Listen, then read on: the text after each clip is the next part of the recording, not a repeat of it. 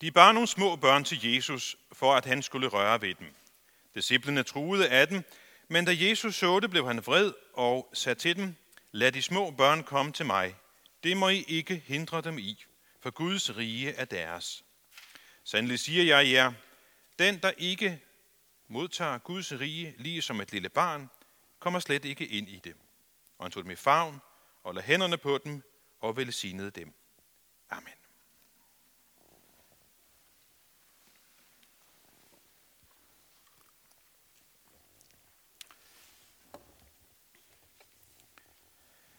Mellem øh, jul og nytår, der var jeg i biografen sammen med børnene og så den nyeste Star Wars-film. Jeg skal indrømme, at jeg er ikke øh, den allerstørste fan af Star Wars, men øh, den her læsning fra det gamle testamente fik mig til at tænke på det univers, som vi møder i Star Wars-filmene. I øh, Star Wars så får vi indtryk af det her enorme univers.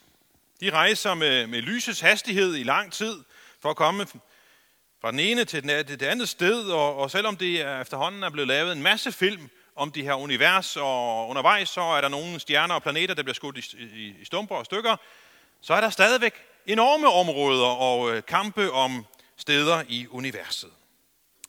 Det her nærmest uendelig store univers.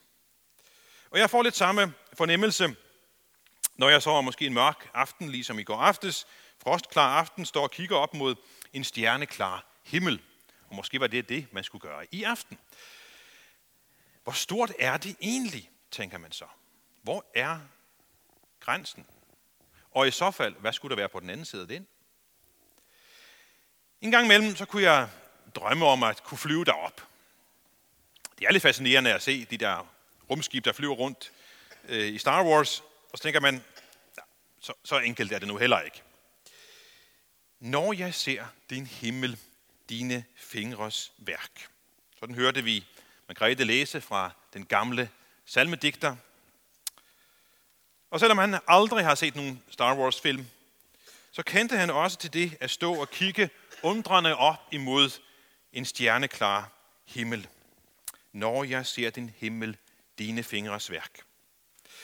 Den gamle salmedigter, han kendte ikke så meget til universets enorme størrelse, som vi gør i dag, men han var betaget af storheden, han var betaget af, af skønheden, månen og stjernerne, hele herligheden, sådan som digteren Ambrosius Stub også gør det i den salme, som vi skal synge efter prædiken. Han beskriver det som den almægtige Guds kunstværk, siger han. Og så i det næste vers, så siger han, Jeg ser det vidudstrakte rum, den cirklede himmelbue, dens lamper uden tal og sum, i ubegreben lue. Mit syn forlyster nok ved dejlig stjerneflok, men sjælen venter sikkerlig sin himmelglans og sol i dig. Ambrosius han undrer sig over skaberværkets storhed, og så slår han fast, der kan kun være én forklaring på det, nemlig at den kommer fra den almægtige og alvise Gud, som man siger i det første vers.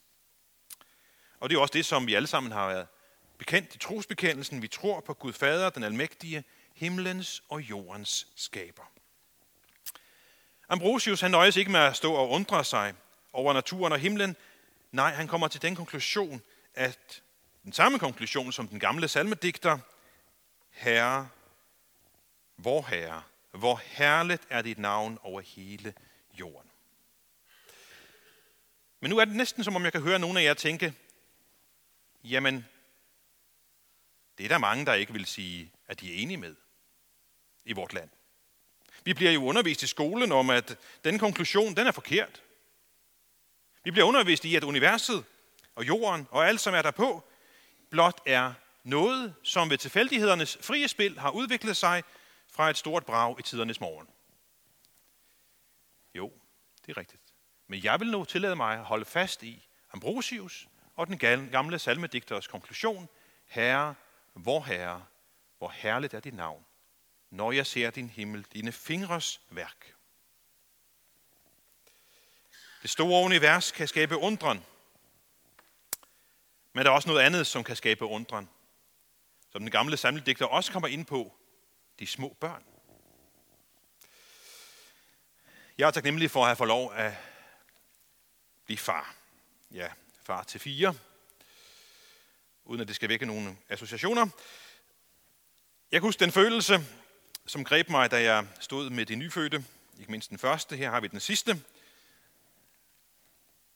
Det er forunderligt at tænke på, at kærligheden mellem mand og kvinde kan resultere i sådan, et, sådan en lille skabning.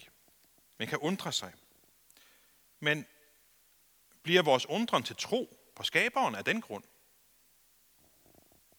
Ser vi Guds herlighed i det lille barn, eller lader vi os overbevise om, at de mange, som påstår, at Gud ikke er der, at det bare har udviklet sig, at de har ret?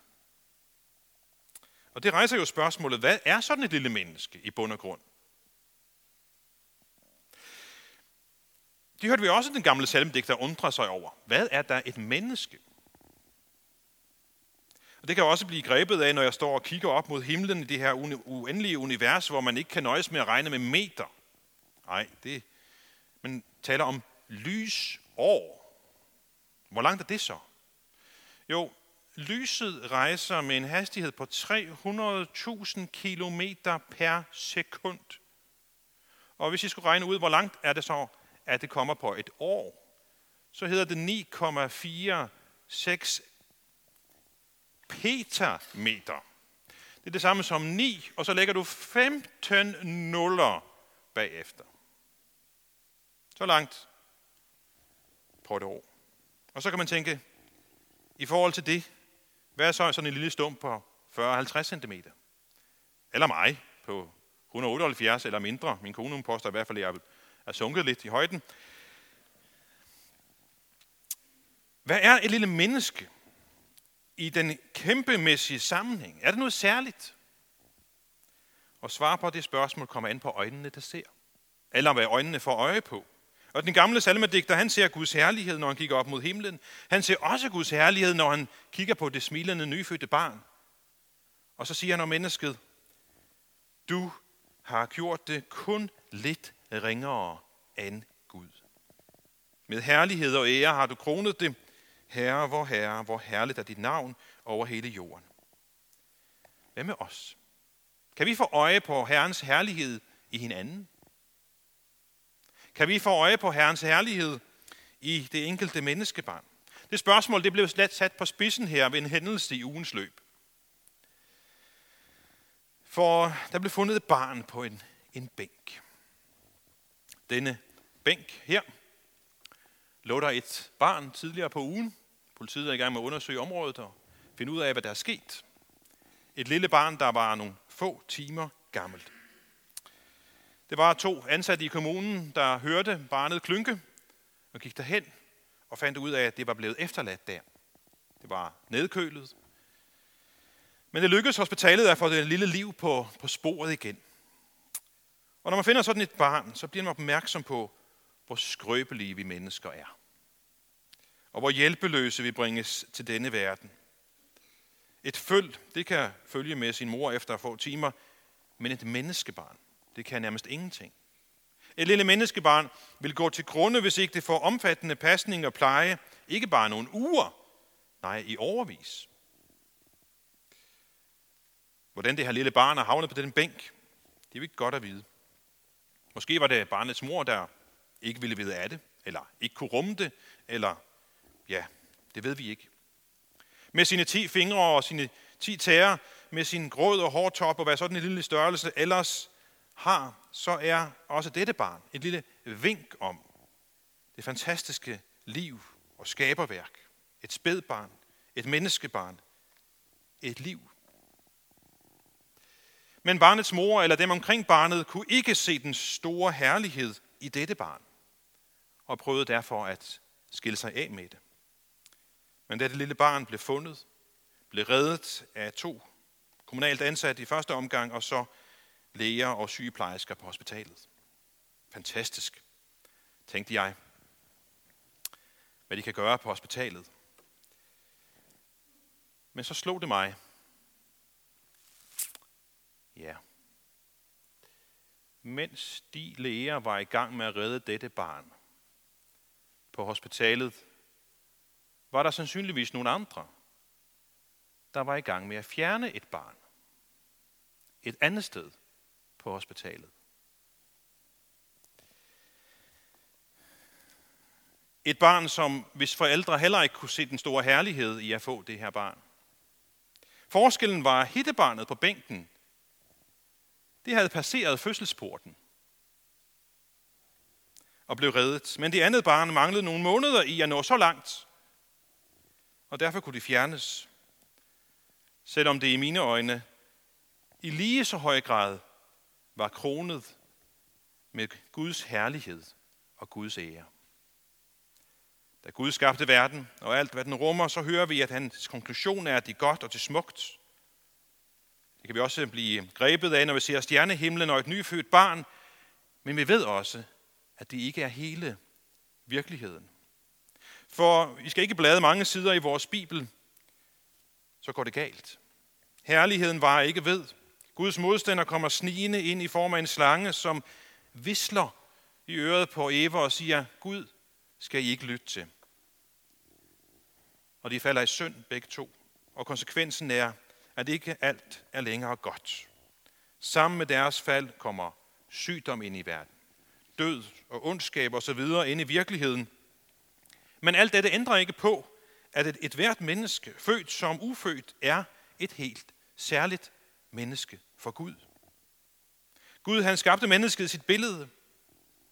Og hver gang et lille barn undfanges på denne jord, så er det stadig et menneske, som er skabt i Guds billede. Vi hørte den gamle salmedigter sige om mennesket, at det er kun lidt ringere end Gud. Sådan var det, og sådan er det selv efter syndefaldet. At vi mennesker har en særlig status. Vi er ikke bare et veludviklet pattedyr. Vi er mennesker. Vi er en helt anden kategori.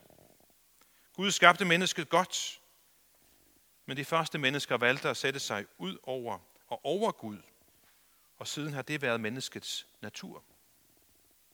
Som Luther forklarer det, så siger han, at et hvert menneske efter syndefaldet fødes med synd, uden Guds frygt, uden tillid til Gud og på vej mod den evige død. Og det så Gud allerede dengang. Men han havde allerede en redningsplan klar. Slangen fik at vide, at en dag så vil kvindens afkom knuse dit hoved. Og det der kvindens afkom har vi jo i julen lært er Guds egen søn, Jesus Kristus. Hvert, andet, hvert enkelt menneske betyder så meget for Gud, at han ikke bare kunne se til, for således elskede Gud verden, at han gav sin enborne søn, for at den hver, som tror på ham, ikke skal fortabes, men have evigt liv. Mennesket er skabt i Guds billede, er noget helt særligt, men fordi vi fødes med synd og uden tro på Gud, altså med en modstand mod Gud, så er det kun takket være Jesus, at vi kan være på vej til evigt liv, i stedet for at være på vej til evig død. Ved troen på Jesus er udsigten ikke længere den evige død, men det evige liv. Og netop det, den tro, får vi som gave i dåben, som det evangelium, vi læste, kædes sammen med. Vi læser nemlig den tekst hver gang der er dåb. Selve troen er et Guds under, en gave fra Gud. Troen er en, en tillid til Gud, et, et, et, et personligt fællesskab med Gud. Og det kan også et spædbarn have. Og i den forstand, så er det et, et lige så stort under, at et 30 dage gammelt barn tror, som at en 30-årig voksen gør det. Og i dåben er det helt tydeligt, at vi ikke kan præstere noget selv, når det handler om vores frels og det evige liv. I det så drejer det sig kun om at tage imod. Vi er som det lille barn på bænken. Det er vores situation, som ikke kan klare os selv. De to kommunalt ansatte hørte det skrig om hjælp, fik øje på barnet og blev dets redning. Gud har også fået øje på os og hører vores råb om hjælp, og vil hellere end gerne være vores redning. Men det forudsætter, at vi indrømmer, at vi har brug for hans redning. Vi kan nemlig kun modtage Guds rige lige som et lille barn, ellers kommer vi ikke ind, hørte vi. Over for Gud skal vi være som barnet på bænken. Det handler om at være så lille, at Gud selv kan få lov til at give os alt det, som skal til, når det handler om frelse og evigt liv. Og ved dåben giver Gud os troens relation til ham. Vi bliver podet ind på den her, det her store træ som en lille gren, hvor det gælder om at blive livet igennem. Det er en gave til os. Det kan aldrig fortjenes. Vi kan heller ikke hjælpe til med vores fornuft eller vilje. Barnet kunne ikke selv hoppe ned fra bænken og bevæge sig over på hospitalet. Det kunne ingenting. Hvis det bare havde ligget der, så havde det ikke overlevet. Det er vores situation. Du og jeg er det barn på bænken. Når det drejer sig om at fordele de evige liv. Vi kan kun tage imod, hvad enten vi er børn eller vi er voksne. Og i dåben så tager Jesus os med ind i sin død og ind i sit nye liv, som han vandt os på korset. Og derfor får vi del i det evige liv i troen på ham. Amen. Lad os med apostlene til ønske hver andre. Og Herres Jesu Kristi nåde, Guds kærlighed og Helligåndens fællesskab være med os alle. Amen.